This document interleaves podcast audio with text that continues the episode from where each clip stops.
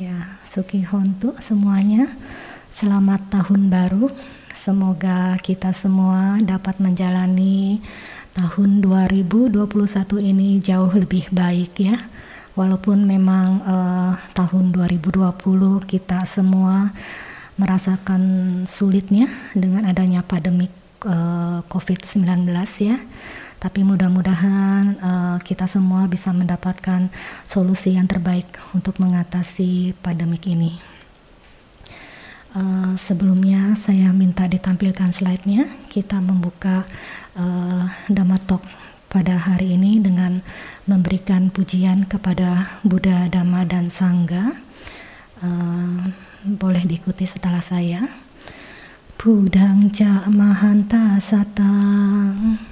Budang ca mahantang satang Dhammang ca magadesakang Dhammang ca magadesakang Sanghang patawinayakang Sanggang patawinayakang Sakacang sirasa nami Sakacang sirasa nami Penuh rasa hormat dengan kepala saya bersujud Penuh rasa hormat dengan kepala saya bersujud. Buddha guru yang agung dan terhormat. Buddha guru yang agung dan terhormat. Menghormat Dhamma sang penunjuk jalan. Menghormat Dhamma sang penunjuk jalan. Serta Sangha yang menjadi pemandu jalanku serta sangga yang menjadi pemandu jalanku. Sadu, sadu, sadu, sadu. Ya, terima kasih. Stansa tadi hanya pendek ya, tapi saya membuatnya itu dengan cukup hati-hati. Saya berdiskusi dengan beberapa guru saya. Itu ada uh, Bante Acara, Bante Wajira, serta saya Doi Saria untuk menemukan uh, kata yang tepat serta lantunan yang cocok dengan aturan yang ada di Pali.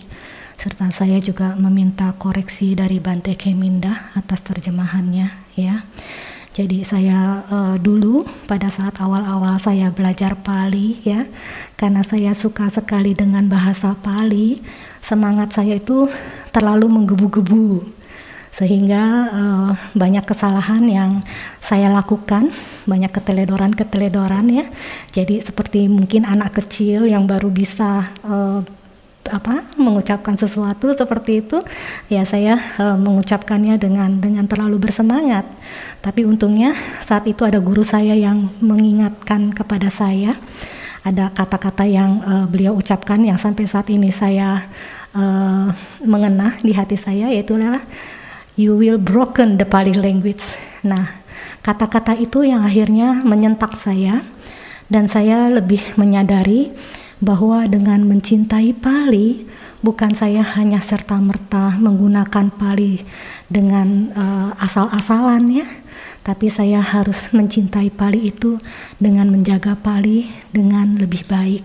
Karena salah satu resiko bahasa itu adalah mudah sekali berubah dengan adanya uh, pengaruh dari hal-hal luar di dalam bahasa itu sendiri ya.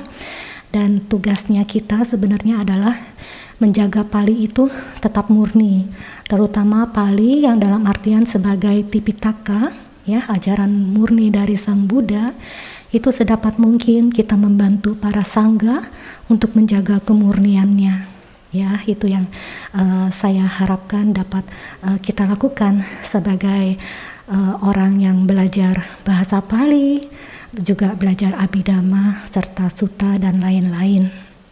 Ya jadi uh, ya sekali lagi selamat tahun baru. Semoga kita semua dalam keadaan sehat dan bahagia. Jadi saya mau langsung masuk saja Mohon maaf e, kalau saya suaranya agak ngos-ngosan ya, karena memang menggunakan masker tidak mudah untuk berbicara. Tapi mudah-mudahan e, dengan tetap menggunakan masker, kita semua dapat menjaga kesehatan kita semua dalam melewati masa-masa pandemik ini. Boleh tolong ditampilkan slide-nya.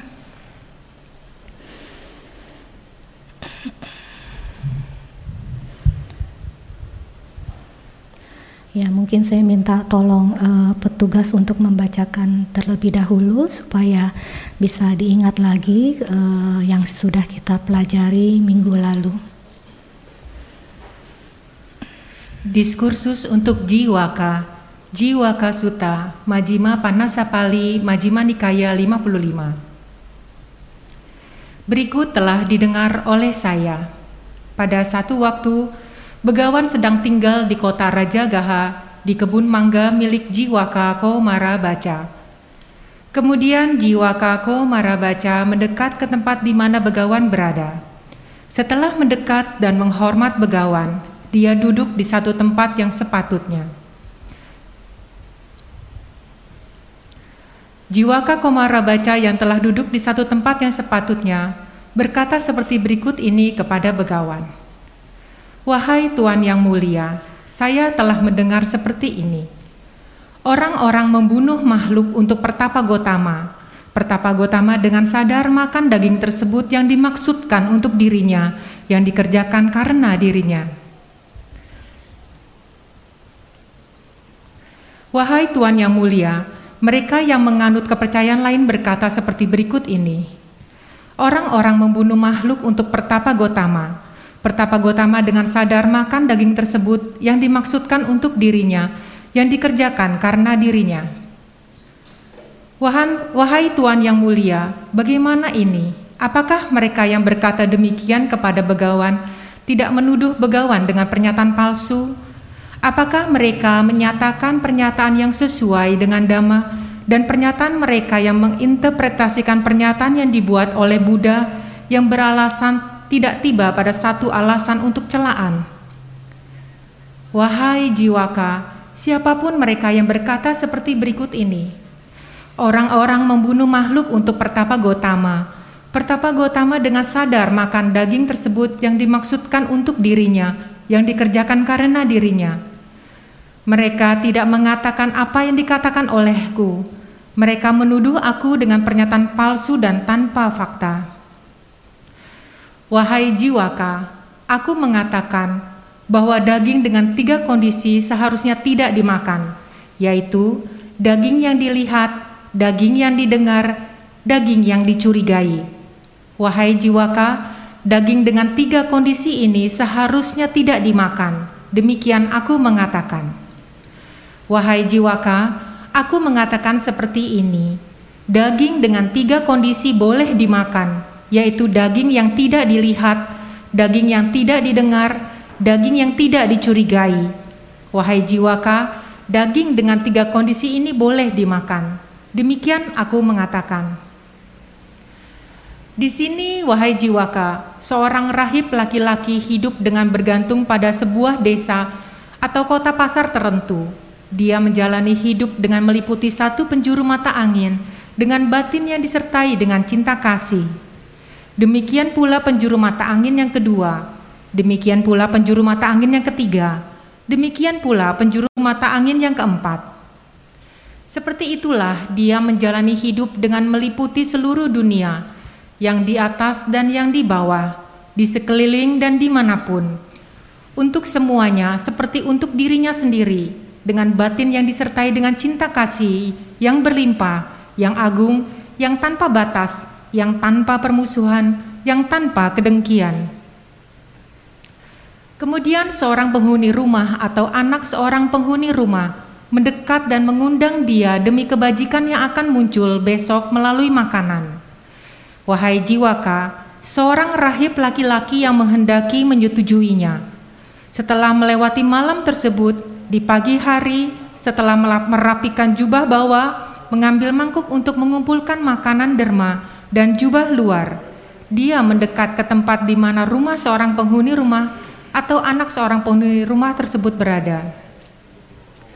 Setelah mendekat, dia duduk di tempat duduk yang telah dipersiapkan.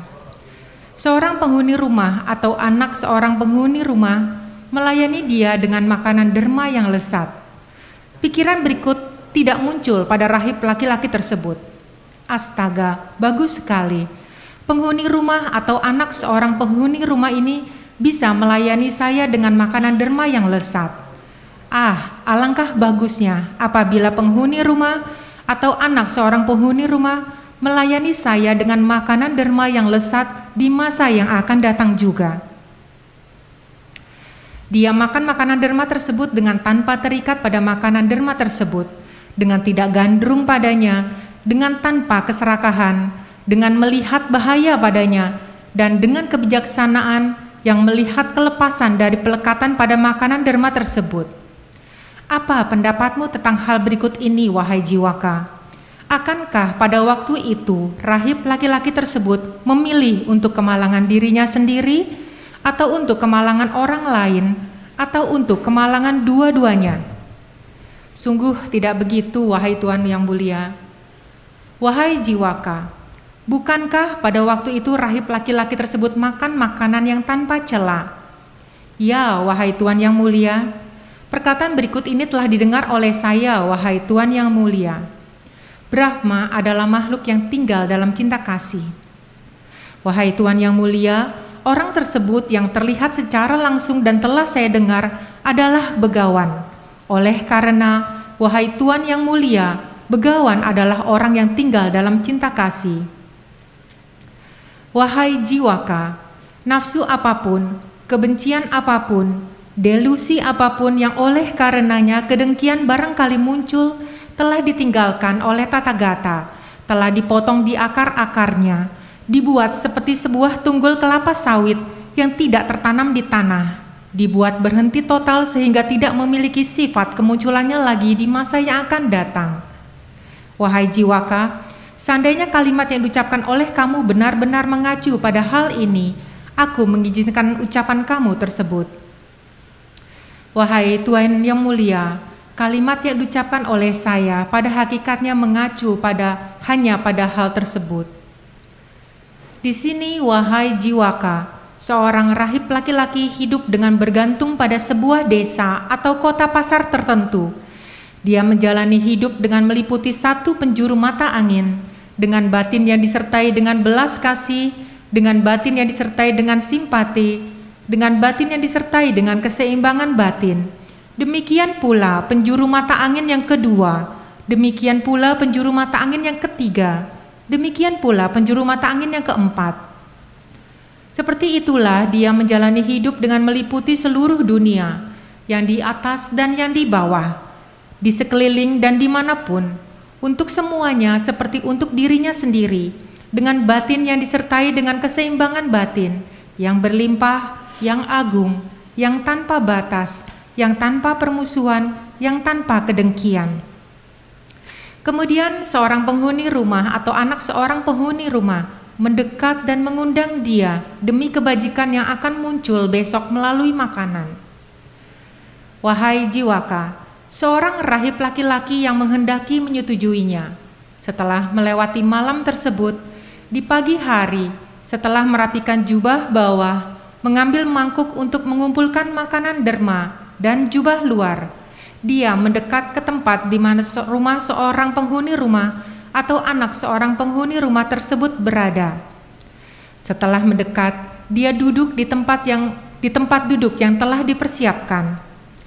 Seorang penghuni rumah atau anak seorang penghuni rumah melayani dia dengan makanan derma yang lesat. Pikiran berikut tidak muncul pada rahib laki-laki tersebut Astaga, bagus sekali. Penghuni rumah atau anak seorang penghuni rumah ini bisa melayani saya dengan makanan derma yang lezat. Ah, alangkah bagusnya apabila penghuni rumah atau anak seorang penghuni rumah melayani saya dengan makanan derma yang lezat di masa yang akan datang juga. Dia makan makanan derma tersebut dengan tanpa terikat pada makanan derma tersebut, dengan tidak gandrung padanya, dengan tanpa keserakahan, dengan melihat bahaya padanya dan dengan kebijaksanaan yang melihat kelepasan dari pelekatan pada makanan derma tersebut. Apa pendapatmu tentang hal berikut ini, wahai jiwaka? Akankah pada waktu itu rahib laki-laki tersebut memilih untuk kemalangan dirinya sendiri atau untuk kemalangan orang lain atau untuk kemalangan dua-duanya? Sungguh tidak begitu, wahai Tuhan yang mulia. Wahai jiwaka, Bukankah pada waktu itu rahib laki-laki tersebut makan makanan yang tanpa celah? Ya, wahai Tuhan yang mulia, perkataan berikut ini telah didengar oleh saya, wahai Tuhan yang mulia. Brahma adalah makhluk yang tinggal dalam keseimbangan batin. Wahai Tuhan yang mulia, orang tersebut yang terlihat secara langsung dan telah saya dengar adalah begawan. Oleh karena, wahai Tuhan yang mulia, begawan adalah orang yang tinggal dalam keseimbangan batin. Wahai jiwaka, nafsu apa pun, kebencian apa pun, delusi apa pun yang oleh karenanya kedengkian barangkali muncul, telah ditinggalkan oleh tata gata, telah dipotong di akar-akarnya, dibuat seperti sebuah tunggul kelapa sawit yang tidak tertanam di tanah, dibuat berhenti total sehingga tidak memiliki sifat kemunculannya lagi di masa yang akan datang. Wahai jiwaka, seandainya kalimat yang diucapkan oleh kamu benar-benar mengacu pada hal ini, aku mengizinkan ucapan kamu tersebut. Wahai Tuhan yang mulia, kalimat yang diucapkan oleh saya pada hakikatnya mengacu hanya pada hal tersebut. Di sini, wahai jiwaka, sesungguhnya siapa pun yang membunuh makhluk untuk tata gata atau seorang murid tata gata, dia mengumpulkan banyak ketidakbajikan karena lima alasan. Wahai penghuni rumah, bahkan saat dia berkata seperti berikut ini, kalian pergilah, ambilkan makhluk itu. Demikianlah dia mengumpulkan banyak ketidakbajikan karena alasan yang pertama ini Bahkan saat makhluk itu yang sedang ditarik dengan mengalungkan tali di leher mengalami kesakitan dan duka cita, dia mengumpulkan banyak ketidakbajikan karena alasan yang kedua ini. Bahkan saat dia berkata seperti berikut ini, "Kalian pergilah, bunuhlah makhluk itu." Demikianlah dia mengumpulkan banyak ketidakbajikan karena alasan yang ketiga ini Bahkan saat makhluk itu yang sedang disiksa mengalami kesakitan dan duka cita, dia mengumpulkan banyak ketidakbajikan karena kejadian yang keempat ini. Bahkan saat dia melakukan kesalahan pada tata gata atau seorang murid tata gata dengan makanan yang tidak diizinkan, dia mengumpulkan banyak ketidakbajikan karena alasan yang kelima ini.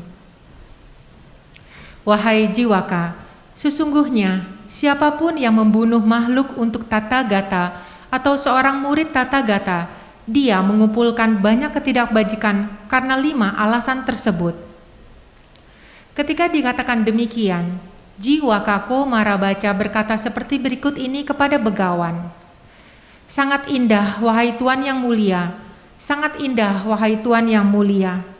Sama seperti, wahai Tuan yang mulia, seseorang menegakkan sesuatu yang telah ditelengkupkan, mengungkapkan sesuatu yang tersembunyi, menunjukkan jalan kepada seseorang yang kebingungan atau memegang sebuah pelita di dalam kegelapan, sehingga mereka yang mempunyai mata bisa melihat bentuk-bentuk. Demikian pula ajaran telah dijelaskan dengan berbagai cara oleh begawan. Wahai Tuhan yang mulia, saya pergi ke begawan untuk perlindungan, ke ajaran, dan ke kongregasi para rahib laki-laki. Sejak hari ini, Semoga Begawan mengingat saya sebagai seorang pengikut awam, laki-laki yang awam, yang telah pergi untuk perlindungan untuk seumur hidup. Dengan demikian, diskursus untuk jiwaka sebagai diskursus yang kelima di Majima Panasapali telah selesai. Sadu, sadu, sadu. Ya, terima kasih banyak Ci Yulia. Jadi uh, kita lanjutkan uh, penjelasan saya yang minggu kemarin. Mungkin boleh tolong ditampilkan uh, slide-nya.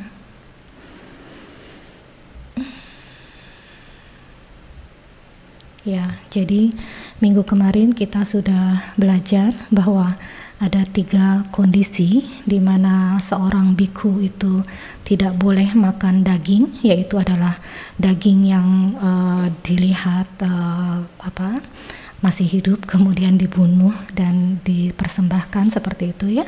Kemudian juga daging yang didengar dan daging yang dicurigai. Sedangkan juga yang dicurigai itu terbagi lagi menjadi di tiga. Daging yang dicurigai karena terlihat, dan dicurigai karena terdengar maupun dicurigai melalui apa pun yang terbebas dari keduanya. Maksudnya bukan dilihat maupun didengar ya. Jadi selain ada tiga kondisi daging seperti ini yang tidak diperbolehkan oleh Sang Buddha kepada para bikhu untuk memakannya, ada lagi kondisi yang diberikan oleh Sang Buddha bahwa nanti ada daging dengan kondisi tertentu yang boleh dimakan oleh para biku ya. Jadi seperti itu.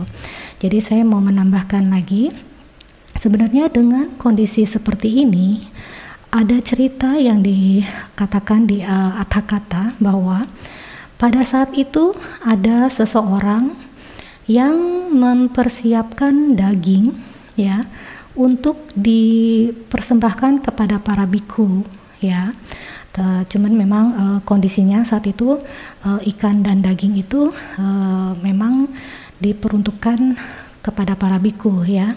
Jadi ini memang umatnya itu tidak mengetahui adanya aturan untuk para biku. Jadi para umat itu uh, seperti biasanya karena mereka terbiasa uh, melakukan uh, pembunuhan seperti itu ya mereka tidak tahu kalau tidak boleh membunuh dan mereka menyajikannya kepada para biku di wihara tersebut ya. Nah di wihara tersebut kadang-kadang biku itu tidak tahu apa yang dilakukan oleh para pekerja atau para umat di dapur ya. Karena para biku itu juga banyak kesibukan di uh, ruangannya masing-masing seperti itu ya. Jadi tapi untuk para biku yang akhirnya mengetahui bahwa ada umat atau pekerja seperti itu, mereka tidak boleh makan ya dan juga seharusnya akhirnya mengingatkan bahwa pekerja ataupun siapa pun di wihara itu tidak diperkenankan untuk melakukan pembunuhan ya. Tapi ini ceritanya adalah untuk pertama kalinya pada saat umat ataupun pekerja itu tidak tahu ya mereka tidak tahu aturan seperti itu. Banyak kan yang dari kita e, ibaratnya sebelum kita belajar dhamma kita nggak tahu apa itu sesuatu yang baik apa itu sesuatu yang buruk kita tidak tahu ya.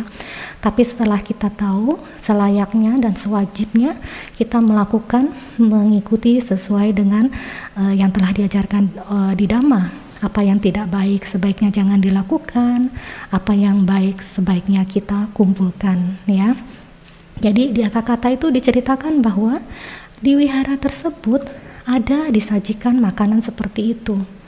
Ya, daging itu uh, dipersembahkan khusus untuk para biku. Nah, terus kemudian bagi para biku yang tahu, mereka sudah otomatis tidak boleh makan ya dan juga mereka pasti akan memberitahu teman-temannya tapi pada saat memberitahu pun ada saja uh, temannya yang tidak tahu dan kemudian makan ya kan? Nah bagi biku yang makan karena dia tidak tahu itu nggak apa-apa ya. Jadi karena dia tidak tahu dan dia tidak mengharapkan dan dia berpikirnya adalah umat itu baik gitu seperti itu ya. Jadi e, kalaupun akhirnya biku itu makan itu juga tidak di, tidak dianggap sebagai suatu kesalahan ya karena dia tidak melihat dia tidak uh, mendengar dan dia tidak berprasangka seperti itu. Mungkin untuk uh, jelasnya ditampilkan slide selanjutnya dulu untuk aturan daging yang boleh dimakan. Oh, udah yang 10 ini ya. Oke. Okay. Jadi di kata memang ceritanya itu lebih apa ya? Lebih keseharian hidup di masa lalu ya. Saya senangnya sekarang bisa mengikuti Bante Keminda untuk uh, melihat kata-kata bahkan tika. Itu saya serasa merasa dekat sekali dengan Sang Buddha ya karena menceritakan uh, kehidupan sehari-hari secara lebih mendalam daripada yang diterangkan di uh, palinya atau di mulanya ya. Jadi seperti itu. Jadi kemudian juga uh, ada lagi yang uh, di kata-kata menjelaskan seperti ini. Ada satu umat, ya, ada satu umat yang khusus mempersembahkan daging untuk seseorang biku. ya. Jadi seorang biku ini akhirnya entah bagaimana ya, beliau tahu bahwa umat ini itu menyediakan dagingnya itu khusus untuk dirinya. Ya. Pada saat biku ini tahu bahwa umat itu mendanakan khusus untuk dirinya, biku itu tidak makan. Biku itu tidak boleh makan. Ya. Tapi kemudian karena biku itu juga tahu bahwa umatnya ini sebenarnya tidak tahu kalau ada aturan seperti itu kepada biku, ini mohon diingat-ingat kembali ya.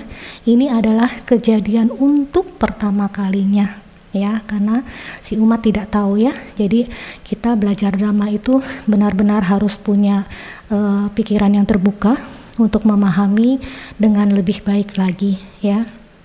Nah jadi pada saat akhirnya umatnya uh, mempersembahkan akhirnya biku itu dia tidak makan dagingnya seperti itu.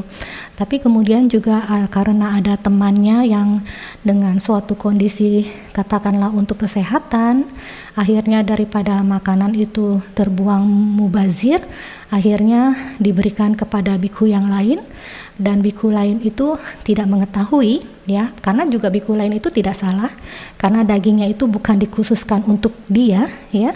Jadi biku yang e, diberikan ya. Jadi bukan bukan daging yang dikhususkan untuk katakanlah biku A ya. Kemudian biku A memberikan kepada biku B. Biku B itu makan pun tidak apa-apa ya.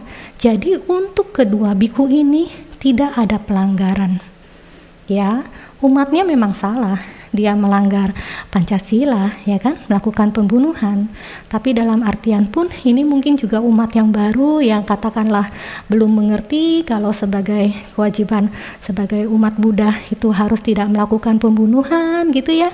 Nah umatnya itu hanya karena rasa kasih sayang kepada seorang biku akhirnya mau mempersembahkan daging seperti itu ya demi kesehatan para biku gitu ya misalnya contohnya. Dan kemudian akhirnya biku tersebut tersebut tahu, biku tersebut tidak makan, tapi biku tersebut juga tahu bahwa ada temannya yang membutuhkan ya untuk kesehatannya, maka diberikan dan biku B itu akhirnya memakan, itu pun tidak apa-apa. Ya, dia kata menjelaskan seperti itu. Jadi saya juga uh, mau cerita sedikit ya mengenai uh, dulu sudah lama mungkin 3-4 tahun yang lalu pada saat saya harus uh, memberikan uh, dhamma desana juga di suatu tempat ya. Itu saya juga nyatakan bahwa uh, sebagai umat Buddha sebaiknya jangan membunuh ya. Apa yang kita makan di dalam di, kita siapkan di dalam dapur kita itu haruslah sesuai dengan Pancasila ya. Jadi tidak melakukan pembunuhan, tidak dengan dari mencuri seperti itu. Cuman pada saat itu umat tersebut ternyata punya kebiasaan ya. Kebenaran umatnya ini adalah seorang bapak-bapak. Nah, dia punya kebiasaan istrinya itu memasak dia namanya saya sebentar ayam perawan Ah, saya saat itu pun saya agak bingung, apa itu ayam perawan? Ya, jadi dia itu ada kebiasaan makan ayam yang dia sebut ayam perawan itu segar-segar dibunuh dan dimasak. Ya. Nah, itu karena dia walaupun umat Buddha, tapi dia nggak ngerti kalau harus menjalankan Pancasila dengan baik gitu. Dan juga sayangnya pada saat itu saya memberikan damatoknya itu empat hari. Saya lupa mungkin hari kedua atau hari ketiga saya akhirnya uh, mengetahui kalau uh, dia itu punya kebiasaan seperti itu dan akhirnya saya nyatakan jangan. Besoknya dia nggak datang lagi. ya, kadang susah ya. Memang uh, kita harus punya suatu keyakinan dan kemauan untuk menjadi seorang umat Buddha yang baik ya.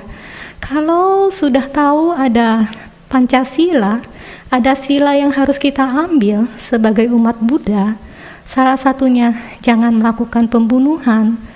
Tolong jangan lakukan pembunuhan. Ya, makan itu hanya lewat di mulut itu sedikit saja enaknya. Ya, habis gitu masuk ke badan kita sudah diolah ke badan kita, sudah berproses di dalam tubuh kita, kita nggak akan tahu. Enaknya itu hanya sebentar di mulut itu. Mungkin iya rasanya berbeda antara ayam perawan tadi dengan ayam yang biasa ya. Tapi dengan membunuh makhluk hidup itu kita tidak diperbolehkan ya. Jadi kalau memang Bapak Ibu mau menjadi seorang umat Buddha yang baik ya, dulu tidak tahu ya sudah, tidak apa-apa ya. Sekarang sudah tahu, mohon ada kemauan dan tekad dan usaha keras untuk menjalankan Pancasila dengan lebih baik ya.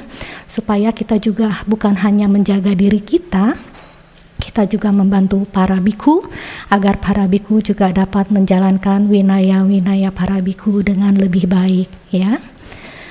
Kemudian juga di atas kata diterangkan lagi bahwa uh, tadi ada slide-nya. Di dalam peraturan para biku atau winaya itu ada dinyatakan daging yang tidak layak atau bahasa palingnya adalah akapia mangsang ya. Ada 10 daging yang tidak diizinkan. Di kata jiwa kasuta ini itu mengenai 10 daging ini tidak diterangkan secara penuh ya. Hanya beberapa daging yang diambil sebagai contoh ya. Jadi kalau kita mau tahu mengenai 10 daging yang tidak diizinkan bagi para biku, kita harus membuka suta lain atau uh, komentar lainnya. Dan ini akhirnya saya mencari uh, referensi, saya dibantu oleh Bante Acara untuk mendapatkan referensi uh, dari 10 uh, daging yang tidak layak itu adanya di Winaya ya. Jadi confirm ya. Untuk belajar suta kalau kita mau memahami suta lebih mendalam kita tetap harus juga mengacu kepada winaya abidama serta suta-suta lain sebagai referensi ya jadi 10 daging yang tidak diizinkan oh, bagi para rahib laki-laki ini sudah ditentukan oleh sang Buddha itu adalah pertama itu adalah daging manusia. Ya daging manusia itu tidak diperbolehkan dimakan oleh para biku. Ya jadi ini juga saya dibantu oleh Bante Acara mendapatkan cerita di balik uh, kenapa Buddha akhirnya uh, memberikan peraturan ini kepada para biku ya?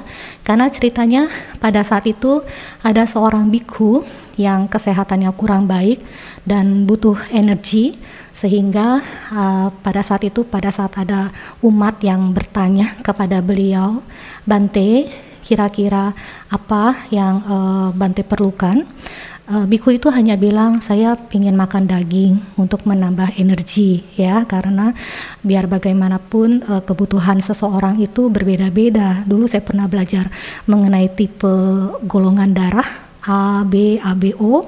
Ternyata memang ada beberapa golongan darah itu tidak bisa vegetarian ya. Memang ada kebutuhan seperti itu. Nah, saat itu biku itu hanya hanya berpikir daging yang normal saja, daging yang sudah ada di pasar, yang jual di pasar gitu.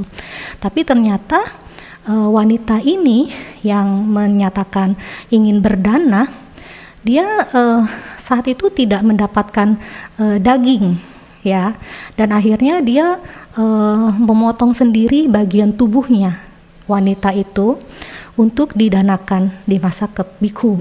Nah, pada akhirnya Buddha e, mengeluarkan peraturan bahwa para biku tidak boleh makan daging manusia ya dan para biku wajib untuk bertanya jika ragu-ragu ini daging apa gitu ya. Nah, itu yang e, satu alasan yang saya dapatkan dari Bante Acara. Kemudian selain itu adalah e, daging gajah ya. Daging gajah ini juga karena saat itu ada uh, masa paceklik. Kalau saya juga pernah dulu pernah mendengar ya ada cerita Jataka bagaimana seorang bodhisatta yang terlahir sebagai gajah itu uh, mengorbankan dirinya ya uh, seorang gajah di cerita Jataka itu akhirnya karena pada masa paceklik mengorbankan dirinya untuk dimakan oleh orang-orang yang melewati uh, perjalanan yang jauh seperti itu. Jadi di sini pun Buddha menyatakan tidak boleh dimakan daging gajah tersebut ya. Karena apa? Gajah pada saat itu adalah uh, properti, harta benda berharganya raja. Ya, jadi kalau raja tahu ya kan harta bendanya uh, dulu uh, lambang kerajaan itu boleh dibilangkan uh, gajah itu sebagai lambang kerajaan ya. Jadi termasuk lambang kebesaran seperti itu. Nah jika daging gajah dimakan dan raja tahu nanti rajanya nggak seneng gitu rajanya nggak happy gitu kan. Kan kita tetap biar bagaimanapun tetap harus uh, selaras dengan pemerintah ya. Jadi uh, antara kita ber, beragama kita selaras juga dengan uh, saat itu kondisi dengan para raja ya. Karena biar bagaimanapun sang Buddha itu banyak didukung oleh para raja saat itu. Nah begitu juga daging kuda daging kuda itu juga sama tidak diperbolehkan. Alasannya mirip dengan daging gajah ya. Kemudian adalah e, daging anjing ya. Daging anjing ini juga tidak boleh dimakan. Kenapa? Karena hina. Daging ganjing itu e, sebagai binatang yang hina binatang yang rendah gitu ya. Jadi sebaiknya tidak dimakan ya. Jadi e, tapi memang kalau di Indonesia ada beberapa bagian tempat yang makan yaitu uh, sudah kebiasaan mereka ya kita uh, biarkan saja. Cuman ini adalah peraturan yang ditetapkan oleh Sang Buddha untuk para biku ya. Jadi para umat mohon mengetahui jadi sehingga bisa menjaga winaya para biku dengan baik. Selain itu adalah daging ular ya daging ular. Dulu pun saya nggak tahu dari dulu kecil uh, saya pernah melihat itu kalau jalan-jalan di daerah uh, Mangga Besar kalau nggak salah. Itu saya lihat ada uh, restoran kecil gitu bukan restoran lah rumah makan yang kecil ya pakai tenda gitu jualnya daging uh, daging ular gitu ya. Nah ternyata daging ular itu juga tidak diperbolehkan oleh sang Buddha karena alasannya sama adalah uh, binatang yang hina ya. Kemudian adalah daging singa daging singa, daging macan, daging panter, daging beruang, dan daging hena. Daging hena saya terjemahkannya mungkin anjing hutan seperti itu ya, hena bahasa Inggrisnya. Nah, jadi ada tiga, tiga, tiga daging, yaitu daging singa, daging macan, daging panter, daging beruang, dan daging hena itu juga tidak boleh dimakan karena mereka adalah binatang buas. Jadi para biku pada saat itu tinggalnya di dalam hutan. Jika makan daging-daging seperti ini, itu masih ada rasa, masih ada bau ya, bau dari daging-daging binatang buas itu yang akan melekat di dalam tubuh para biku sehingga bisa membahayakan latihan para biku di dalam hutan ya. Itu uh, beberapa uh, referensi yang saya dapatkan ya. Uh, mudah-mudahan ini bisa membantu. Saya mem mengangkat ini dengan tujuan adalah memahami lebih jauh bahwa pada saat kita mempelajari suta itu kita tidak bisa hanya mempelajari satu suta ya saya paham betul para uh, ibu bapak ya yang bekerja ya selaku umat awam. Banyak keterbatasan waktu ya. Mohon buka wawasan dan pikiran pada saat membaca atau mempelajari suta itu dipahaminya dengan lebih hati-hati dengan lebih mendalam ya. Karena memang dhamma itu ajaran sang Buddha itu terlihatnya itu simple sangat simple ya. Tapi untuk dimengerti secara mendalamnya itu cukup sulit ya. Karena butuh yang namanya keseimbangan antara keyakinan dengan kebijaksanaan ya. Jadi semoga kita semua bisa maju dalam dhamma pelan-pelan sabar belajar setahap demi setahap ya. Karena belajar dhamma terutama eh, abidama pali winaya itu tidak bisa loncat-loncat kalau belajar suta masih bisa loncat-loncat karena suta itu sebenarnya diajarkan oleh Sang Buddha itu ke perorangan tertentu ya. Cuman akhirnya suta ini karena diceritakan oleh Sang Buddha kepada yang mulia Ananda, akhirnya yang mulia Ananda bisa uh, meresitasinya uh, semua suta-suta ini ya. Tapi suta-suta ini sebenarnya pembelajaran itu uh, boleh dibilang persuta per orang tertentu atau per kelompok orang tertentu atau atau per saat tertentu seperti itu. Makanya untuk belajar suta masih kita bisa pelajari satu suta, satu suta, satu suta seperti itu. Tapi ada beberapa suta yang mau nggak mau kita harus memahaminya dengan referensi dari suta-suta yang lainnya, bahkan juga dari Winaya dan Abhidhamma ya. Dan ini pun tidak terlepas dari kata-kata dan tika. Ya. Kemudian hmm, next uh, slide selanjutnya.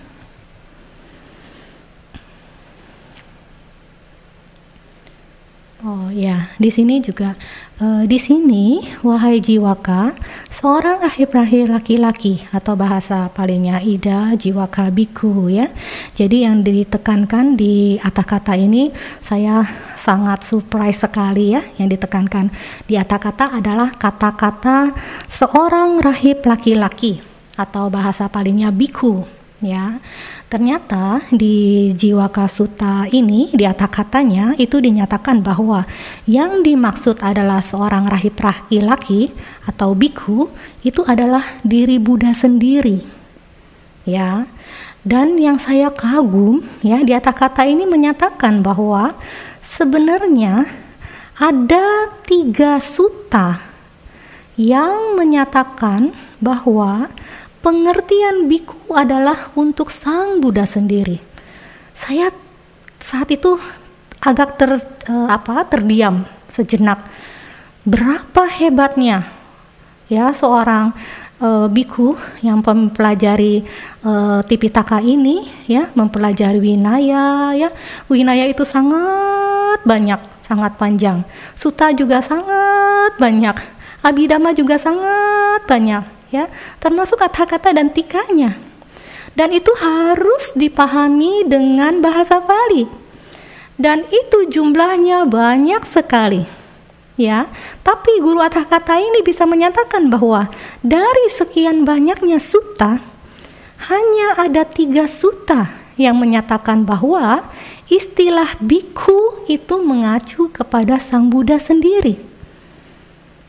Coba, saat itu belum ada komputer ya saat ini pun saya sudah ada komputer. Kalau saya mencari referensi itu sulit sekali. Ya nanti ada bagian tertentu saya saya nyatakan bahwa untuk mendapatkan referensi itu sulit sekali. Walaupun saya menggunakan komputer. Saat itu tidak ada komputer. Benar-benar hanya mengandalkan pikiran. Pikiran yang sangat jernih dan terlatih. Ya itu hebatnya guru-guru kata ya. Jadi di atas kata di sini menyatakan bahwa ada tiga tempat, ada tiga suta yang menceritakan bahwa istilah biku itu adalah mengacu kepada Sang Buddha sendiri. Di mana? Satu, di Maha Waca Gota Suta. Ya. Kemudian juga yang kedua adalah di Cangki Suta. Dan kemudian di Jiwaka Suta ini sendiri. Ya. Saya benar-benar kagum saya nggak tahu Bapak Ibu bisa menangkap atau tidak rasa yang kagum yang saya rasakan ya. Semoga bisa uh, dirasakan dengan harapan tetap lebih bisa menghargai apa itu tipitaka, apa itu pali ya atau mula dan atha kata serta tika yang juga secara keseluruhan adalah kesatuan dari winaya dan abhidhamma. Oke, okay, next. Kemudian istilah eh sebentar yang tadi dulu. Kemudian ada lagi istilah dengan makanan derma yang lezat atau bahasa palingnya adalah panitena pindapatena ya.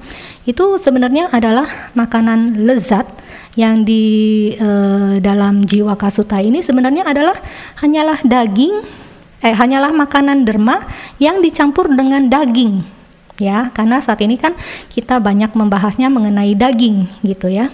Padahal di suta lainnya ada di suta yang namanya adalah Ananggana Sutta ya di situ juga ada dibahas mengenai tentang uh, makanan derma yang lezat ya.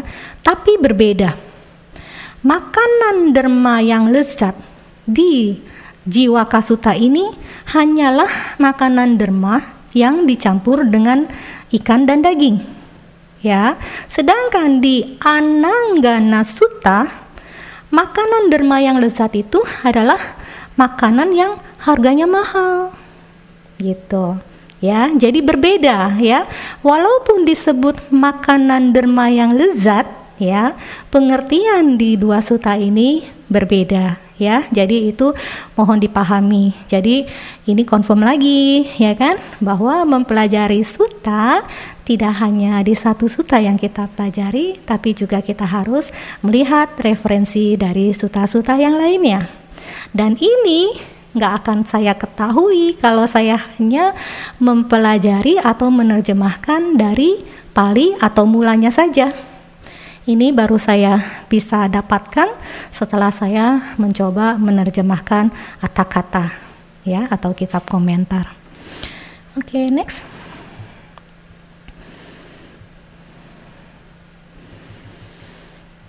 Hmm.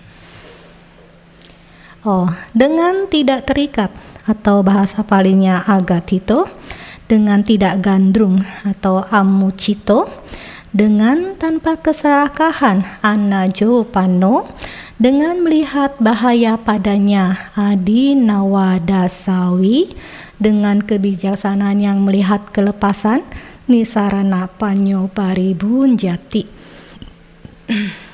Ya, jadi ini memang salah satu tujuannya untuk para biku itu makan. Jadi para biku makan itu tidak terikat dengan makanan ya. Jadi apa yang didapat dipersembahkan hari ini ya tidak tidak tidak diharapkan untuk didapat lagi nanti ya.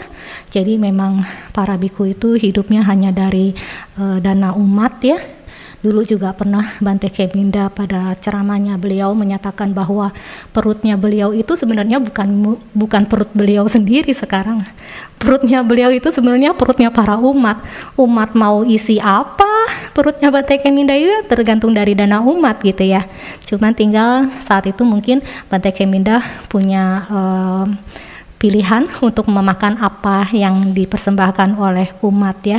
Jadi memang uh, selaku Pak Bajita, kami memang diharapkan untuk hidup secara uh, bercukupan dengan apa pun yang diterima oleh kami, ya seperti itu.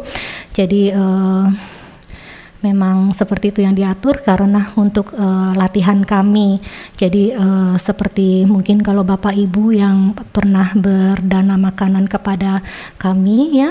Uh, biasanya kami juga melantunkan uh, apa namanya refleksi uh, perenungan perenungan pada saat makan bahwa kami hanya menggunakan makanan itu uh, sesuai dengan kebutuhan kami ya jadi uh, kalau mungkin yang biasa berdana makanan bisa mendengarkan kayak pati sangka yuniso pindah patang pati sewami gitu ya. Dan selanjutnya jadi uh, saya terjemahkan mungkin ke bahasa Indonesia-nya adalah uh, memakan makanan dengan tujuannya adalah tidak untuk bersenang-senang ya tidak untuk kebanggaan ya tidak untuk uh, men, apa, mendekorasi tubuh kami ya itu juga tidak atau tiga untuk sebagai uh, uh, tubuh kami sebagai hiasan supaya mungkin tampilnya dulu Bante Keminda bilang six pack gitu ya enggak enggak seperti gitu.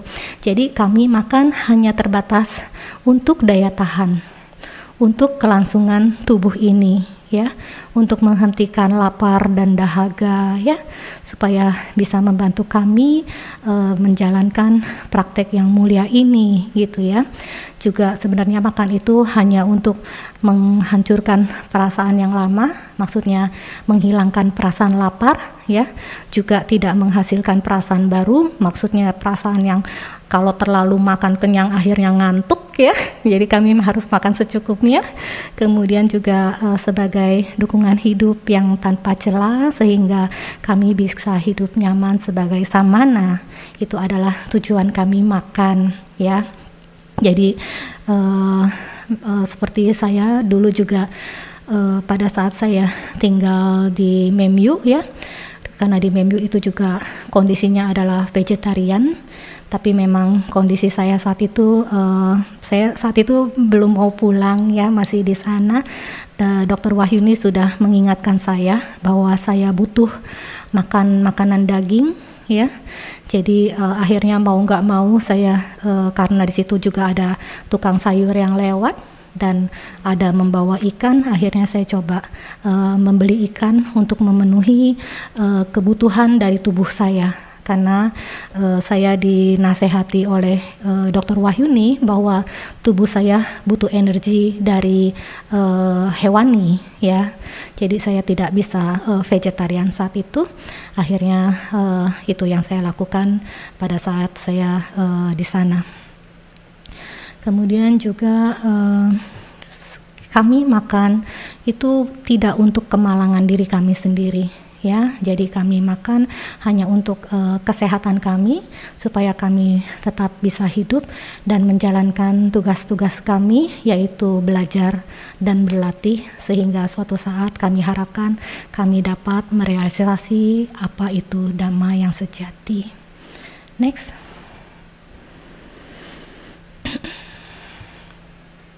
Oke. Okay. Kemudian di sini juga di sini wahai jiwaka Sesungguhnya siapa pun yang membunuh makhluk untuk tata gata atau seorang murid tata gata, dia mengumpulkan banyak ketidakbajikan karena lima alasan.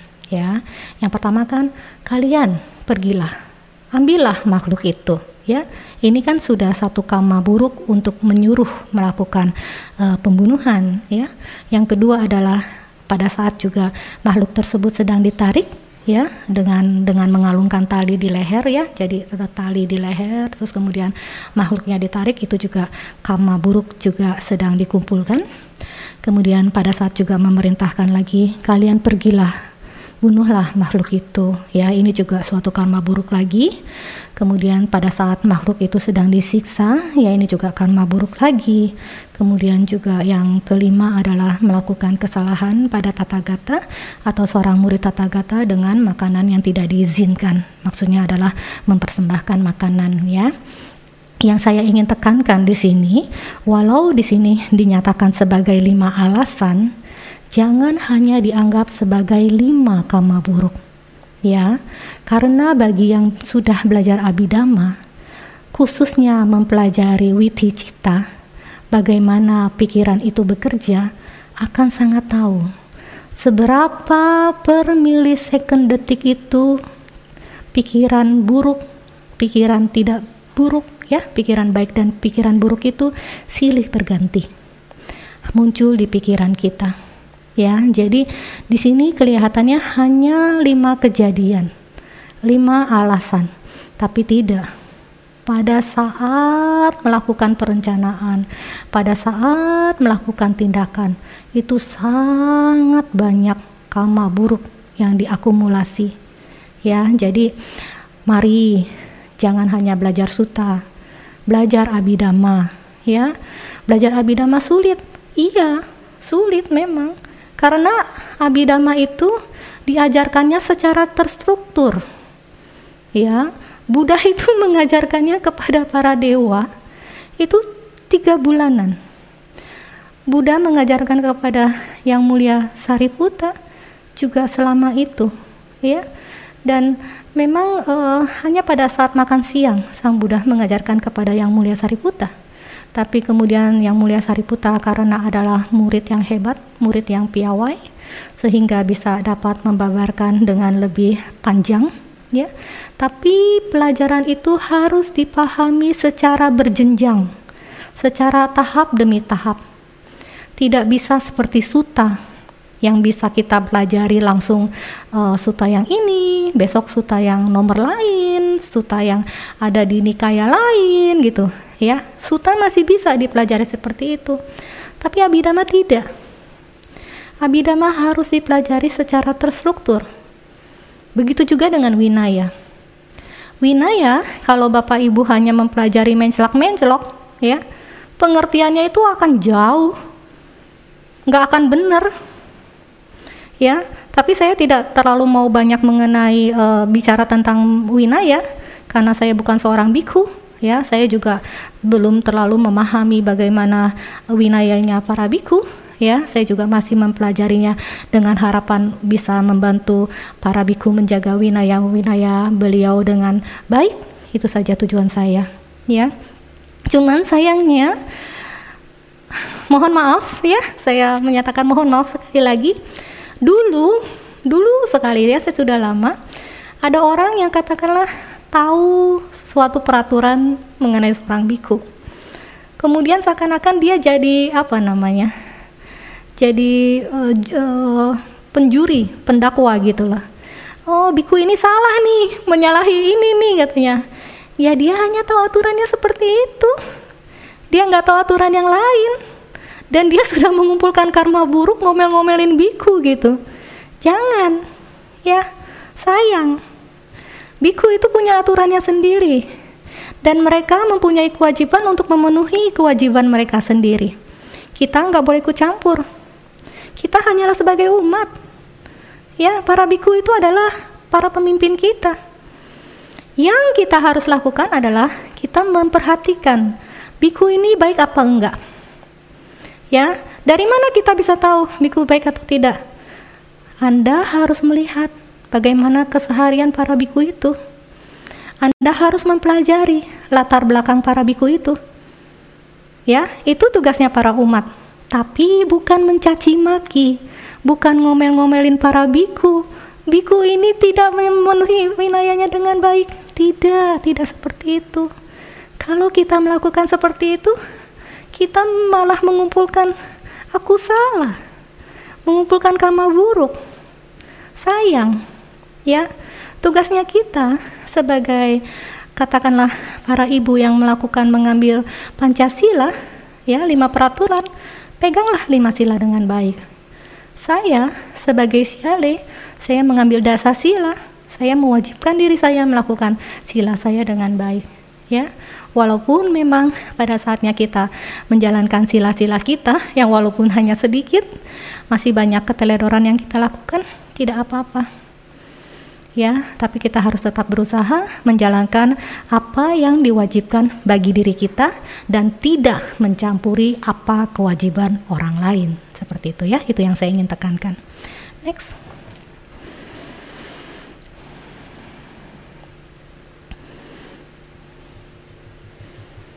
Oh, so, oke, okay. berarti sudah selesai. Boleh next selanjutnya? Ya, jadi saya hanya menyatakan bahwa uh, kita belajar itu sebenarnya tujuannya adalah nibana ya. Tapi nibana itu kadang-kadang juga kalau orang ditanya, "Kamu mau ke nibana?" Mau, tapi tingkah lakunya tidak mencerminkan dia mau ke nibana ya. Kita harus belajar itu sesuai dengan ajaran Buddha yaitu adalah Pali ya bahasa Pali kita harus belajari kemudian juga suta-suta ya. Abidama eh, juga Winaya mohon maaf di situ saya kurang lengkap dan lain-lainnya sebagai peta petunjuk perjalanan spiritual hingga kita bisa mencapai nibana dengan tentunya kita bukan hanya sekadar belajar tapi kita juga harus bermeditasi dengan samatha vipassana dan bawana sesuai dengan ajaran Buddha untuk merealisasi nibana yaitu kemudian uh, selanjutnya ada apa lagi ya? Next selanjutnya Oh ya, sama ini saya menyatakan bahwa menghormat Buddha dengan meniru sifat agung Buddha, menghormat Dhamma dengan tekun mempelajari ajaran Buddha, menghormat Sangga dengan menyokong Sangga, menghormat diri sendiri menjalankan sila dengan baik, mengikis kotoran batin diri kita sendiri. Ya, sebelumnya saya juga mau menyatakan bahwa nanti uh, suta ini juga akan bisa Bapak Ibu baca pada saat uh, buku uh, Gahapati Waga yang akan terbit nanti ya pada bulan Februari. Pada saat membaca buku itu, Bapak Ibu akan tahu bahwa ada kalau saya nyatakan saya hitung ada dua kalimat di kata dan satu kalimat di tika itu yang saya tidak jelaskan di uh, Damatok kali ini. Ya, saya tidak membahas dua kalimat tersebut yang di kata tersebut karena saya merasa saya belum mampu untuk menjelaskannya dengan baik. Ya, pada saat saya membaca dua kalimat di atas kata ini, saya menyadari bahwa uh, mempelajari atas kata itu sangat dalam, ya, sangat dalam sekali. Jadi pada saat itu pun saya untuk memahami dua kalimat ini, saya menghubungi banyak beberapa guru saya untuk saya mengkonfirmasi mengenai pemahaman dari dua kalimat di atas kata ini ya. Kemudian akhirnya saya memahami, saya paham sepaham-pahamnya. Tapi yang kemudian saya renungkan, mengapa akhirnya saya bisa memahami dua kalimat di atas kata ini? Karena saya sudah mempelajari kama dan saya sudah mempelajari citawiti. Kalau saya belum mempelajari kama dan saya belum mempelajari citawiti, saya nggak akan mengerti mengenai dua kalimat di atas kata ini. Ya, dan saya merasa saya belum mampu saat ini untuk menjelaskannya kepada Bapak Ibu, ya. Itu juga yang akhirnya saya menyadari bagaimana kita amat sangat beruntung pada saat ini kita bisa hidup di mana masih ada dhamma yang diajarkan oleh sama Sang Buddha, yaitu Buddha Gautama, ya. Dan Bapak Ibu juga tahu bahwa selain sama Sang Buddha itu ada yang namanya Paceka Buddha. Itu adalah Buddha yang tidak bisa memberikan uh, tidak bisa mengajarkan sehingga pendengarnya itu bisa mengerti ya. Nah, ini akhirnya juga saya sadari mengapa ada yang disebut Paceka Buddha karena memang menjelaskan dhamma ini sangat sulit sekali Ibu. Sangat sulit sekali Bapak.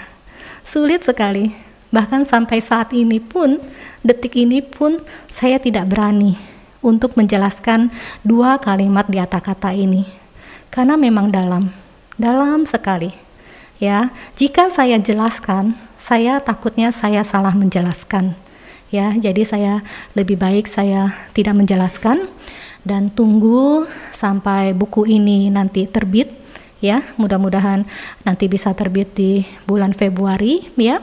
Dan yang saya mohon adalah pada saat Bapak Ibu membaca buku ini ya dan apalagi nanti kan atak katanya diberikan secara lengkap di situ oleh Bante Keminda ya terjemahannya jika menemukan kalimat yang saya maksudkan ini tolong pahami dengan sangat hati-hati ya bagi yang belum belajar abidama, belajarlah abidama. Bagi yang belum mengerti mengenai kama, pelajarilah kama. Ya, pelajarinya itu yang sesuai dengan yang ada di Tipitaka ya. Sekarang juga banyak di YouTube itu saya ternyata kalau saya searching mengenai kama banyak ada damatok yang diberikan ya. Saya kurang tahu apakah semuanya itu selaras sejalan dengan yang ada di Tipitaka ya. Tugasnya Bapak Ibu sebagai pembelajar yang baik adalah cermat cermat mencermati mana ajaran yang sesuai, mana ajaran yang tidak sesuai ya tentunya dengan kerendahan hati ya yang kita harus pelajari ya belajar dhamma itu apa sih yang kita cari Bapak Ibu? Belajar dhamma itu hanyalah supaya kita mengenali diri kita sendiri. Mengenali siapa sebenarnya saya ini.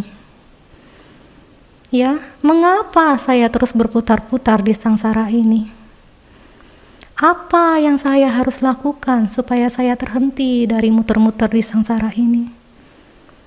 Itu, ya, itu bagi saya pentingnya kita belajar dhamma. Bukan belajar dhamma untuk perdebatan, bukan. Berapa hari yang lalu saya ada di message oleh seseorang. Siale, di grup ini ada komentar seperti ini dan ada yang menjawab seperti ini Menurut Siale bagaimana? Saya hanya bilang, saya tidak kasih komentar. Kenapa? Karena bagi saya, dhamma itu terlalu indah hanya untuk diperdebatkan. Dhamma itu sebaiknya untuk dipelajari dengan ketulusan hati kita, untuk mengenal diri kita, untuk menjadikan kiri kita menjadi seseorang yang lebih baik. Ya, mudah-mudahan ini uh, bisa dipahami. Saya nggak tahu, masing-masing orang punya tujuan hidup masing-masing, ya. Tapi yang itulah tujuan saya yang saya bisa bagikan pada hari ini. Mungkin ada next uh, slide selanjutnya. Ya, saya uh, menyatakan bahwa saya bersujud berterima kasih sekali kepada Bate Keminda selaku guru dan upajaya saya serta saya Do Isaria eh, dosen saya di ITBMU juga Bante Acara adalah kakak kelas saya yang benar-benar saya berhutang budi sekali kepada beliau serta Bante Wajira Budi adalah teman sekelas saya ya yang benar-benar juga sangat membantu saya. Semoga apa yang saya bagikan pada hari ini bermanfaat bagi para ibu, eh, bapak dan ibu ya. Semoga saya pun bisa belajar dengan baik dari suta jiwaka suta ini ya karena saya uh, tujuannya hanyalah seperti tadi saya bilang minggu kemarin saya nyatakan bahwa saya sebenarnya memilih suta ini karena untuk menolong seseorang ya tapi mohon maaf saya belum bisa menyelesaikan sampai di tikanya ya tikanya saya hanya baca baru sedikit sekali kemudian juga terutama saya berterima kasih kepada Bante Kemindah yang sudah memberikan saya kesempatan untuk uh, membawakan Damatok uh, minggu lalu serta hari ini. Begitu juga dengan uh, saya Lisaria, Bante Acara dan Bante Wajira Budi. Semoga Bapak Ibu semua bisa maju di dalam dhamma. Sadu, sadu, sadu. Sadu, sadu. Anumodana saya Lai atas penjelasan suta yang telah disampaikan kepada kami pada pagi hari ini. Semoga kami semua mendapatkan manfaat tertinggi dari pendengaran dhamma ini. Pastinya mungkin uh, kalau sedikit bisa mengutip pesan dari saya Lai ya bahwa uh, apa pun yang kita pelajari baik di kelas pariyati sasana ataupun melalui uh, pembelajaran dhamma lainnya tujuannya adalah untuk pengembangan diri kita ya bukan untuk menilai orang lain ataupun membandingkan seperti apa dan cuma sekedar pengetahuan ya tetapi untuk uh, diri kita supaya lebih baik lagi. Bagi kalian mitai yang membutuhkan slide kelas Pariyati Sasana ini dapat mengunduhnya di website di www.damawihari.or.id Berikutnya kita akan langsung memasuki sesi tanya jawab, di mana untuk itu kami akan bacakan tata tertib sesi tanya jawab ini.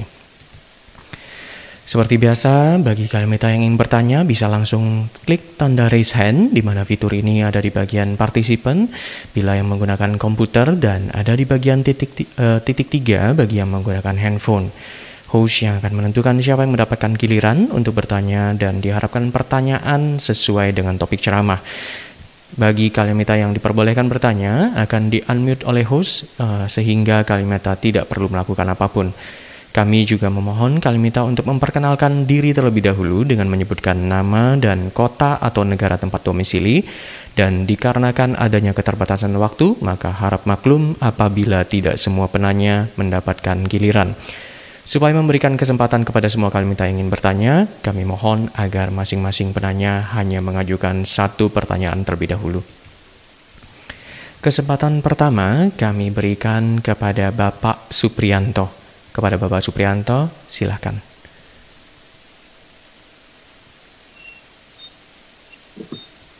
Uh, Wandami saya lai. Oh, Wandami saya lai. Suaranya dengar? Sukihotu, Pak Pranut, uh, Pak oh, iya. Suprianto. Hmm. Uh, saya Suprianto dari Jakarta.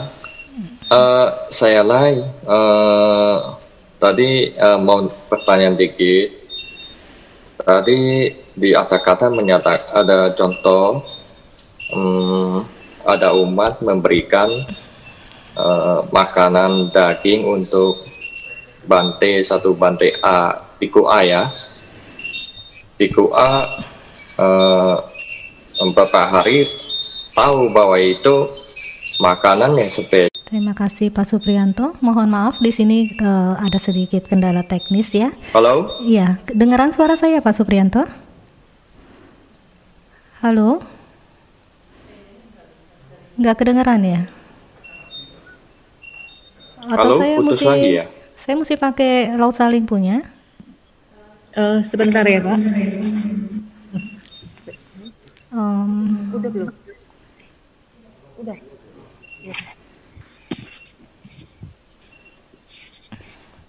iya. Pak Suprianto? Iya. Kedengeran ya? Iya, mohon maaf di sini kami sedang ada uh, sedikit kendala teknis. Uh, jadi saya coba jawab ya Pak. Uh, saya saya ulang dulu uh, pertanyaannya bahwa uh, tadi Pak Suprianto menanyakan yang ada di kata-kata ya. Iya. Tadi eh, sini ya. Biku A sudah tahu kalau makanannya eh iya. sudah sudah pakai mic pakai mic sudah ya? Sudah ya. Pak Suprianto sudah bisa dengar suara saya? Belum. Pak Suprianto? Ya, bisa saya dengar suara saya dengar saya Oke Lai. oke, Dengar. maaf ya Pak ya, maaf eh, tadi Ya. ada kes- kesa- apa sedikit masalah teknis. Saya ulang ya Nggak Pak ya. apa-apa. Eh, Jadi pertanyaan Bapak itu mengenai yang kata-kata ya Pak ya. Kalau biku Ya. itu dia kan sudah tahu bahwa umatnya itu mempersembahkan makan khusus untuk dirinya ya, sehingga akhirnya kan dia nggak makan. Kemudian dia memberikan kepada biku B gitu ya untuk dimakan Ya. gitu. Ya, kalau di kata itu menyatakan boleh, Pak. Jadi memang boleh karena eh, saya tidak terlalu tahu kondisinya bagaimana karena di kata tidak tidak dijelaskan secara mendetail ya Pak ya. Cuman yang saya pahami mungkin saat itu Biku A tahu kalau Biku B itu eh, memerlukan makanan itu. Jadi akhirnya Biku A memberikan kepada Biku B dan itu tidak menyalahi peraturan karena misalnya si umat itu kan khususnya untuk si Biku A gitu.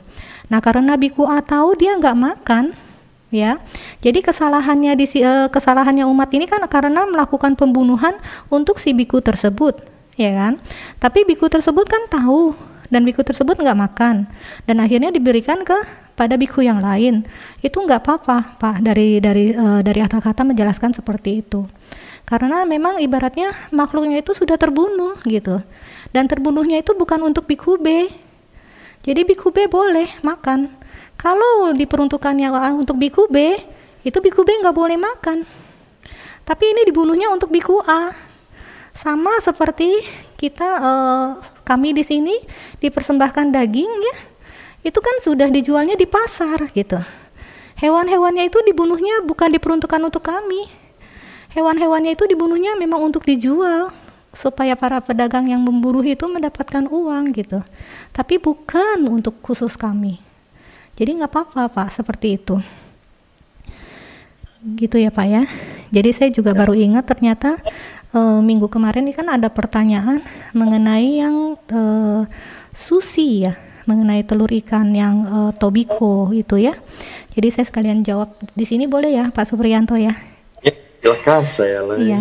Jadi eh, saya cari tahu di eh, internet ya, saya cari di Google itu mengenai tobiko juga ternyata diproses ya, diproses dengan eh, penggaraman ya. Jadi sebenarnya kalau diproses penggaraman bagi saya itu pemahamannya seperti kayak cabe itu dikasih garam ya, ada cabai rawit dikasih garam itu kan jadi cabai asin gitu ya.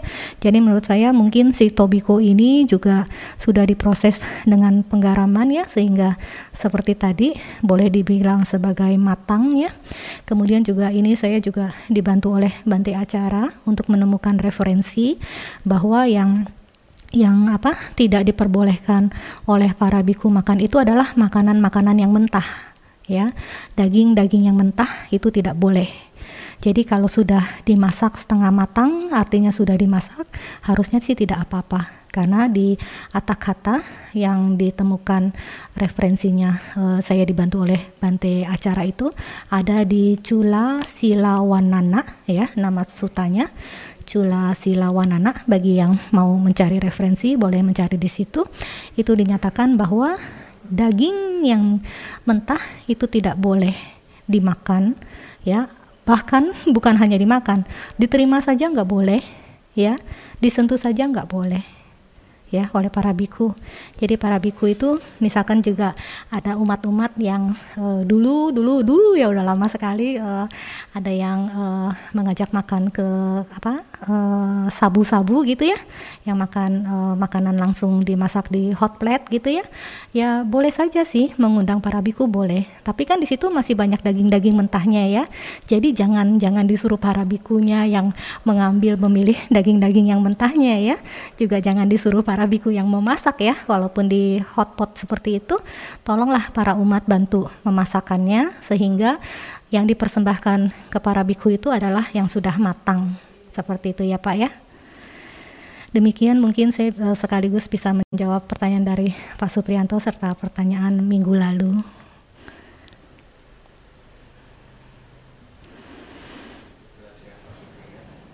Terima kasih atas penjelasannya, saya Lai. Kesempatan berikutnya kami berikan kepada Bapak Joni. Kepada Bapak Joni kami persilahkan bertanya.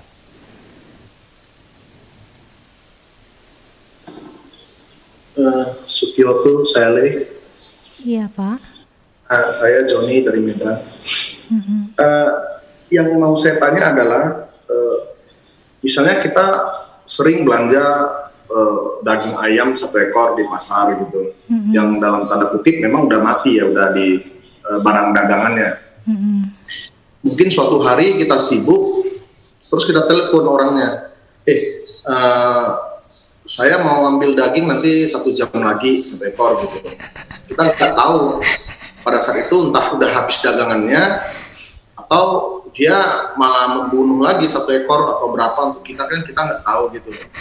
Jadi pertanyaannya adalah eh, apakah sebaiknya yang seperti seperti itu kita kalau memang nggak sempat ke pasar ya nggak usah pesan lagi gitu atau gimana gitu loh. Terus kalau memang kejadian seperti yang saya bilang terperogok kita karena mungkin perhatian kita kurang kita pesan karena kita tahu sebelumnya memang dia selalu menjual yang udah mati Nah, terus terjadi pembunuhan seperti itu, terus karmanya itu lebih berat ke kita atau penjual yang memesan atau yang membunuh ya atau karyawannya yang membunuh ayam itu. Demikian uh, saya lihat. Iya Pak, terima kasih Pak Joni. Sebenarnya pertanyaan Pak Joni, Pak Joni sudah jawab sendiri sih tadi ya itu ya kan. dengan dengan tadi Bapak udah bilang sebaiknya jangan memesan ya Pak Joni sudah tahu sendiri sebenarnya jawabannya ya Pak ya. Selamat, Bapak sudah menjadi umat Buddha yang baik ya. Saya senang senang sekali ya.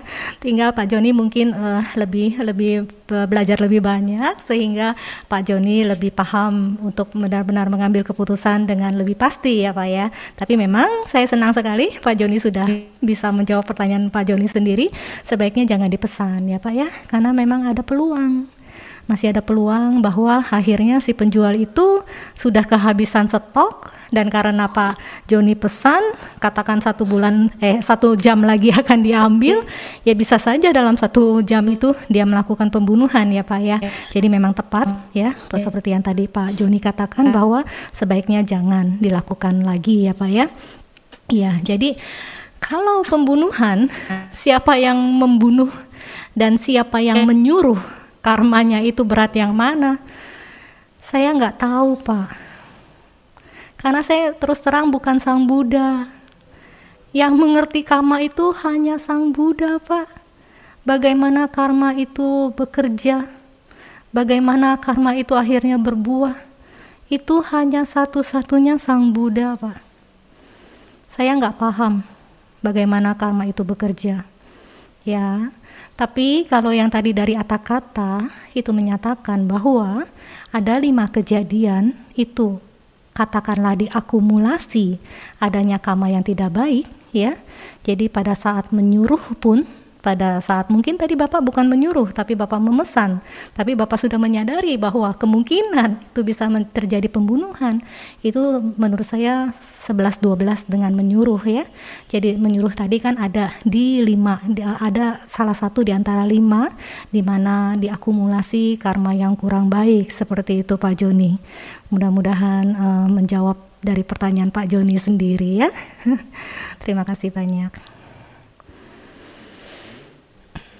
Saya Lay dan terima kasih juga ya uh, kepada Pak Joni yang sudah bertanya. Kami kembali memberikan kesempatan kepada uh, Kalemita untuk bertanya ya karena ini sangat berhubungan dengan mungkin kehidupan kita sehari-hari ya. Boleh dipertanyakan hubungan uh, mengenai daging ini gitu ya. Kesempatan berikutnya kami berikan kepada Ibu Lita Lim kepada Ibu Lita, kami persilahkan.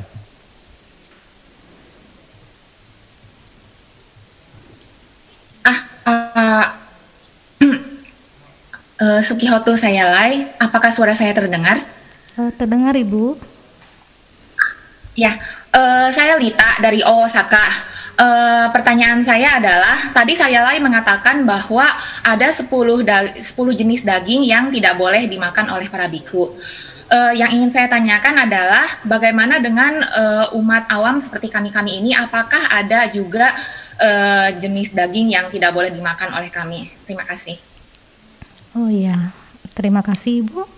Jadi memang uh, sampai sejauh ini saya belum tahu kalau ada uh, daging yang uh, khusus diperuntukkan bagi umat awam tidak boleh dimakan ya Bu ya karena uh, memang untuk para biku sendiri pun Sang Buddha itu me, apa memberlakukan suatu peraturan itu karena adanya suatu kejadian ya. Karena ada suatu kejadian maka akhirnya sang Buddha e, mengeluarkan peraturan-peraturan untuk para biku tapi memang untuk e, para umat tidak tidak saya ketahui. Ada di e, atur mengenai 10 jenis daging ini ya Bu ya. Tapi e, yang penting kalau sebagai umat itu yang penting uh, berpegangan kepada lima sila ya. Karena sebagai umat itu yang wajib dilakukan itu adalah menjalankan lima sila. Berbeda dengan kewajiban para biku yang harus menjalankan 27 aturan winaya ya Bu ya. Jadi uh, dari saya sampai saat ini saya belum pernah menemukan bahwa ada peraturan yang dikeluarkan oleh Sang Buddha untuk para umat mengenai mirip-mirip 10 jenis daging ini. Tidak ada. Itu ya Bu Terima kasih saya Lai. Terima kasih Ibu. Ya, terima kasih uh, atas penjelasannya saya Lai.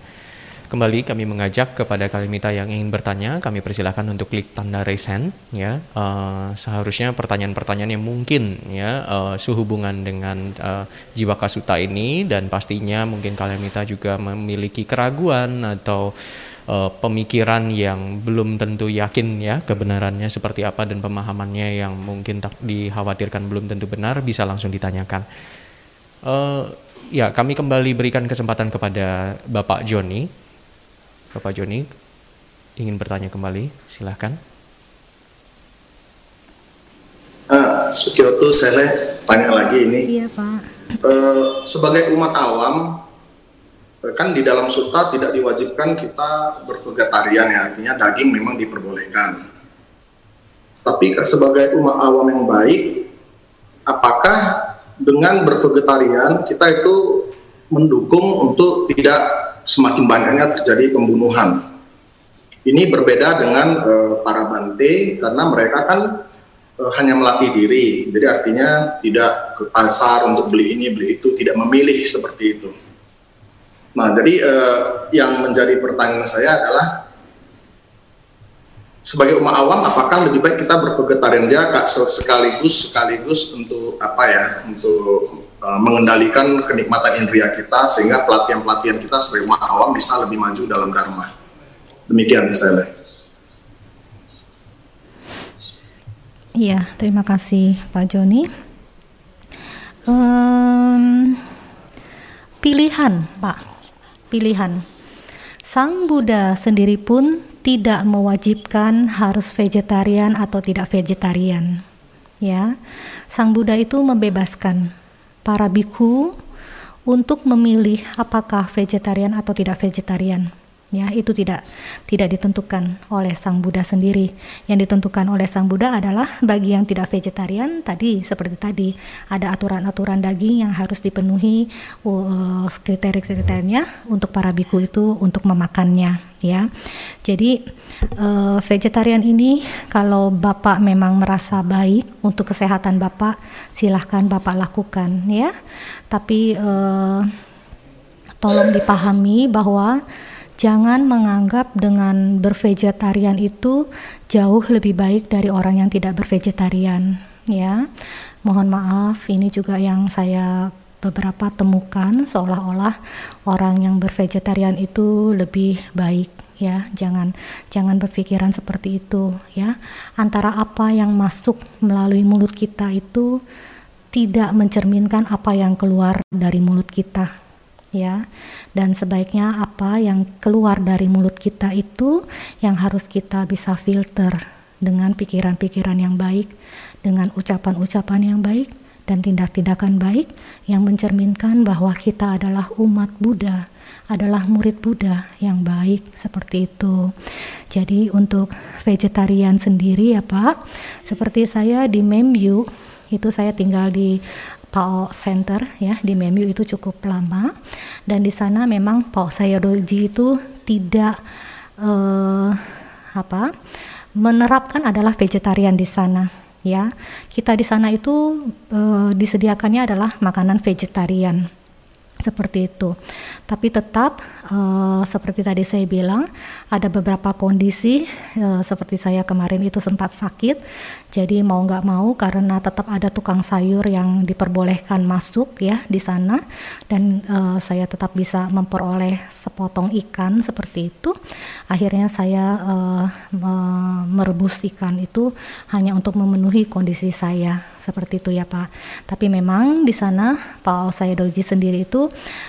meminta sebagai kepada kami para yogi itu untuk bervegetarian secara murni ya. Kenapa? Karena sebenarnya memang tinggal di hutan itu e, cukup besar resikonya ya Pak ya. Jika terlalu banyak makan daging-daging kan banyak tulang-tulang itu pasti akan e, membuat hewan-hewan buas itu lebih nyaman tinggal di sana. Jika seandainya di sana orang-orangnya bervegetarian ya, jadi e, binatang-binatang buas juga tidak menemukan makanan di sana. Uh, se uh, secara alamiahnya mereka meninggalkan uh, gunung tersebut ya meninggalkan hutan tersebut. Itu yang yang saya pahami. Jadi bagi saya sendiri vegetarian ataupun tidak vegetarian tidak masalah. Tergantung di mana saya bertempat tinggal.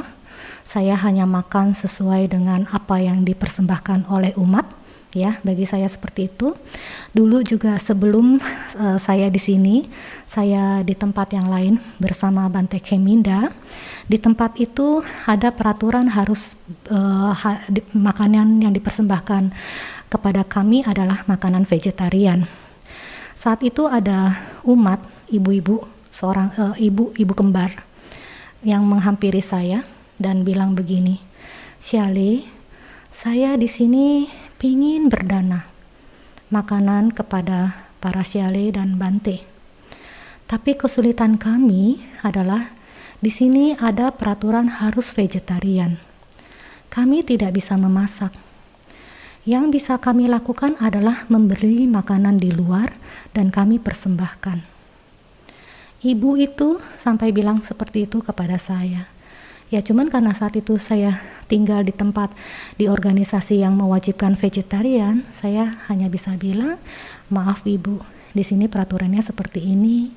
Mungkin ibu bisa cari makanan lain, mungkin seperti buah-buahan atau roti atau kue seperti itu. Ya, jadi memang kalau dari saya sendiri karena saya mempelajarinya adalah aliran Theravada ya di mana memakan daging itu tidak masalah, itu hanyalah merupakan pilihan. Tapi yang pasti yang harus kami pegang itu adalah kami makan dengan tidak membuat umat berat. Kami tidak membuat berat para umat. Kami hidup itu hanya sesuai dari support, sesuai dukungan dari para umat. Seberapa mampunya umat berdana kepada kami, itulah yang kami terima dan kami nikmati. Ya, jadi kami tidak tidak memilih kamu jangan bawa daging ya, saya vegetarian ya. Saya nggak bisa begitu. Karena di BS di sini pun Bante Keminda membuka peluang boleh makan makanan tidak vegetarian. Seperti itu mungkin Bapak yang bisa saya berikan.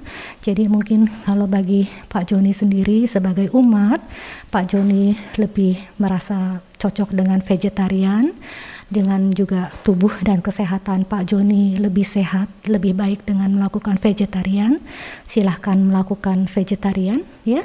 Dengan apa pun niat baik Pak Joni, katakanlah tadi untuk tidak menambah pembunuhan makhluk hidup ya, silahkan saja. Tapi jauhkan pikiran dari merasa lebih tinggi atau merasa lebih baik dari orang yang tidak bervegetarian. Gitu ya Pak Joni, mudah-mudahan bisa menjawab. Uh, atas penjelasannya saya Lai. Uh, kesempatan berikutnya kami berikan kepada saudara Teddy Tahir. Kami persilahkan. Sekioto saya Lai. Sekioto. Uh, setuju dengan Pak Andi ya. Ini topik dengan sehari-hari.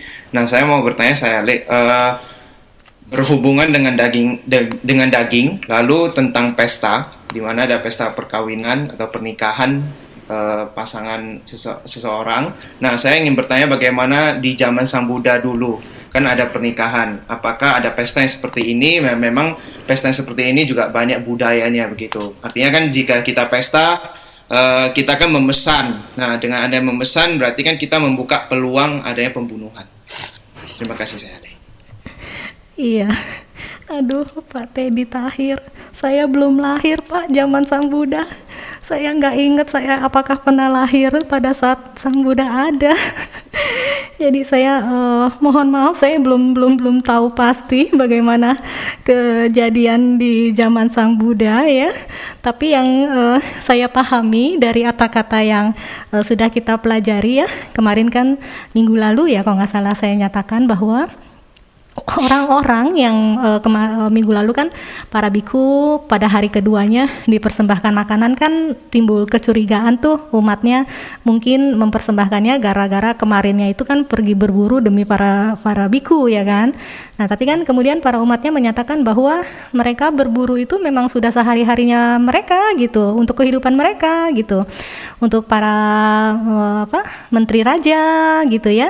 Dan juga untuk uh, perayaan perayaan syukuran seperti penghormatan kepada leluhur seperti itu ya kalau nggak saya ingat ya kalau nggak salah saya ingat seperti minggu kemarin. Jadi memang dari kata-kata saya coba cek dulu ya di sini ya supaya tidak tidak salah. Saya pastikan dulu kata-katanya.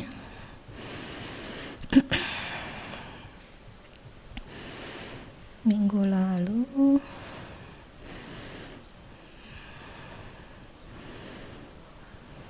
Iya, benar.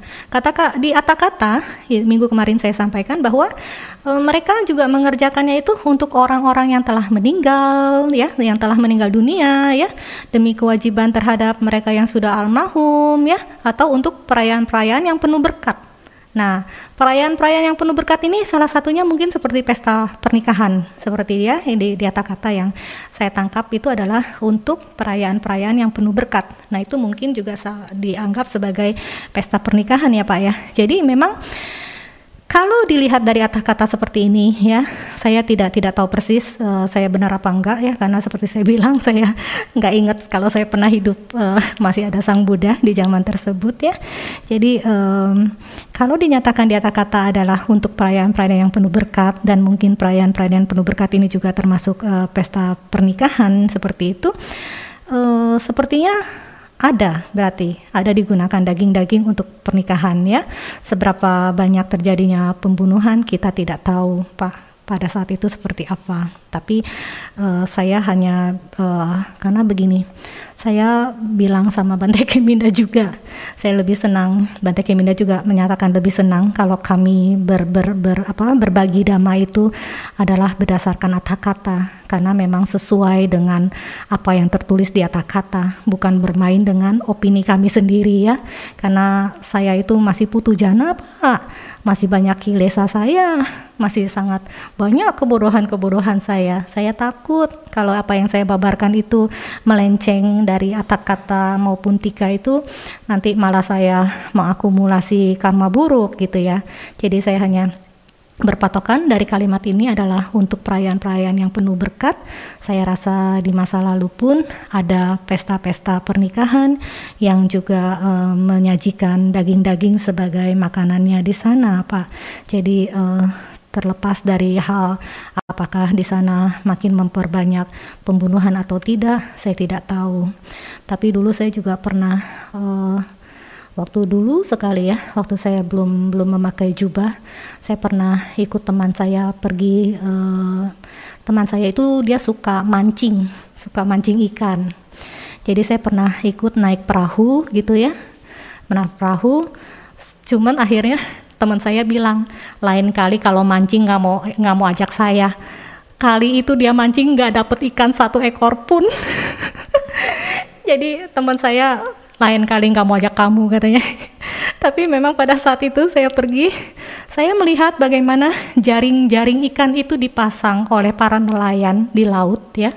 Jadi para nelayan juga hanya memasang jaring seperti itu dan tidak tahu berapa banyak yang akan berapa banyak ikan ataupun makhluk-makhluk lain yang terjaring di jaring mereka itu untung-untungan mereka gitu ya. Ibaratnya itulah cara karma bekerja, Pak jadi para nelayan itu menanam karma buruk dengan memasang jaring dan para makhluk, para ikan-ikan itu punya karma buruk akhirnya terjaring ya. Berapa banyak yang terjaring kita nggak ngerti ya. Jadi pada saat jaring diangkat ya, apakah semuanya laku terjual? Kita tidak tahu. Ya, apakah mereka mati dan akhirnya tetap bisa e, berharga untuk dimakan bagi makhluk lain? Kita nggak tahu ada juga kan yang dagangan di pasar nggak ada pembelinya akhirnya terbuang begitu saja sia-sia. Ya, apakah dengan seperti itu pembunuhan juga berkurang? Kita nggak tahu pak. Saya nggak tahu. Kama itu bekerja amat sangat sulit, amat sangat sulit, complicated. Ya, cuman yang kita bisa pelajari adalah untungnya Sang Buddha bisa memberikan lebih uh, terstruktur ya. Sehingga walaupun hanya sedikit kita dapat memahami kama kita akhirnya bisa tahu cara kama bekerja itu seperti itu. Tapi persisnya kama bekerja itu kita nggak akan tahu yang tahu hanya sang Buddha saja begitu Pak Teddy Tahir Baik, terima kasih saya ya makasih Ya, terima kasih atas penjelasan saya Le. Ya, kalau mendengar cerita saya Le tadi sedikit, mungkin temannya saya Le seharusnya bersyukur ya karena uh, saya Le ikut sehingga beliau terhindar dari melakukan karma buruk karena nggak dapat ikan gitu ya. Oke, okay. uh, eh, kembali ke mungkin kami ingatkan uh, bagi kalian yang ingin bertanya ya, ini kesempatan terakhir uh, apabila memang sudah tidak ada lagi yang ingin bertanya mungkin uh, kita bisa tutup untuk sesi tanya jawab kali ini ya saya Le. Ya.